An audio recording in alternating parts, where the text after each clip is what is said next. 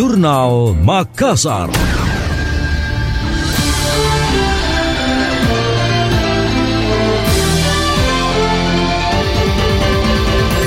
Mantan Wakil Presiden Republik Indonesia Yusuf Kala berharap agar Indonesia tidak terdampak resesi di tahun 2023 ini.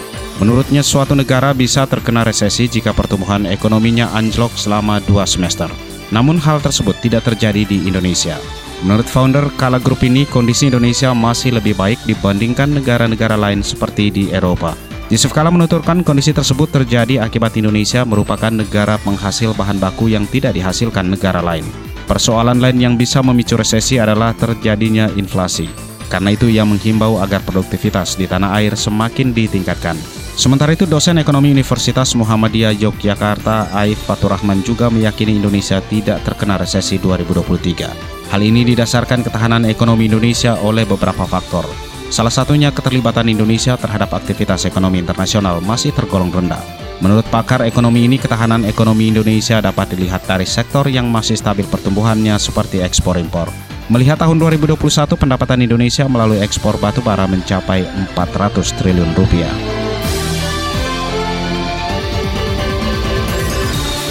Dinas Ketahanan Pangan, Tanaman Pangan, dan Hortikultura tengah merancang beberapa kebijakan untuk menjaga ketahanan pangan di Sulawesi Selatan sebagai antisipasi dampak resesi.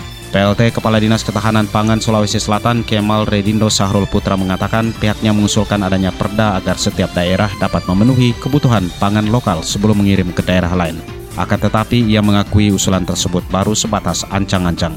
Pihaknya masih akan berkonsultasi dengan Gubernur Sulawesi Selatan yang menilai aturan itu perlu dibuat agar pedagang di daerah punya tanggung jawab moral dalam menjamin ketersediaan bahan pokok. Jika kebijakan ini menjadi peraturan daerah, Sulawesi Selatan akan menjadi percontohan ketahanan pangan di Indonesia. Sebelumnya, strategi serupa juga akan dilakukan Dinas Perdagangan Sulawesi Selatan. Tujuannya untuk menjaga kestabilan harga pangan serta mengendalikan inflasi. Kepala Dinas Perdagangan Sulawesi Selatan Andi Arwin Asis mengatakan saat ini pihaknya berupaya agar ada kerjasama antara kabupaten kota untuk bisa saling suplai. Skemanya yakni daerah yang surplus bahan pokok akan menyuplai ke daerah yang kekurangan stok. Konsep itu mengemuka pada rapat pengendalian inflasi yang dipimpin Mendagri. Arwin menilai cara tersebut cukup efektif membuat harga bahan pokok tetap stabil. Selain itu pihaknya juga meminta daerah tidak mengirimkan komoditas pokoknya keluar apabila kebutuhan dalam negeri belum terpenuhi.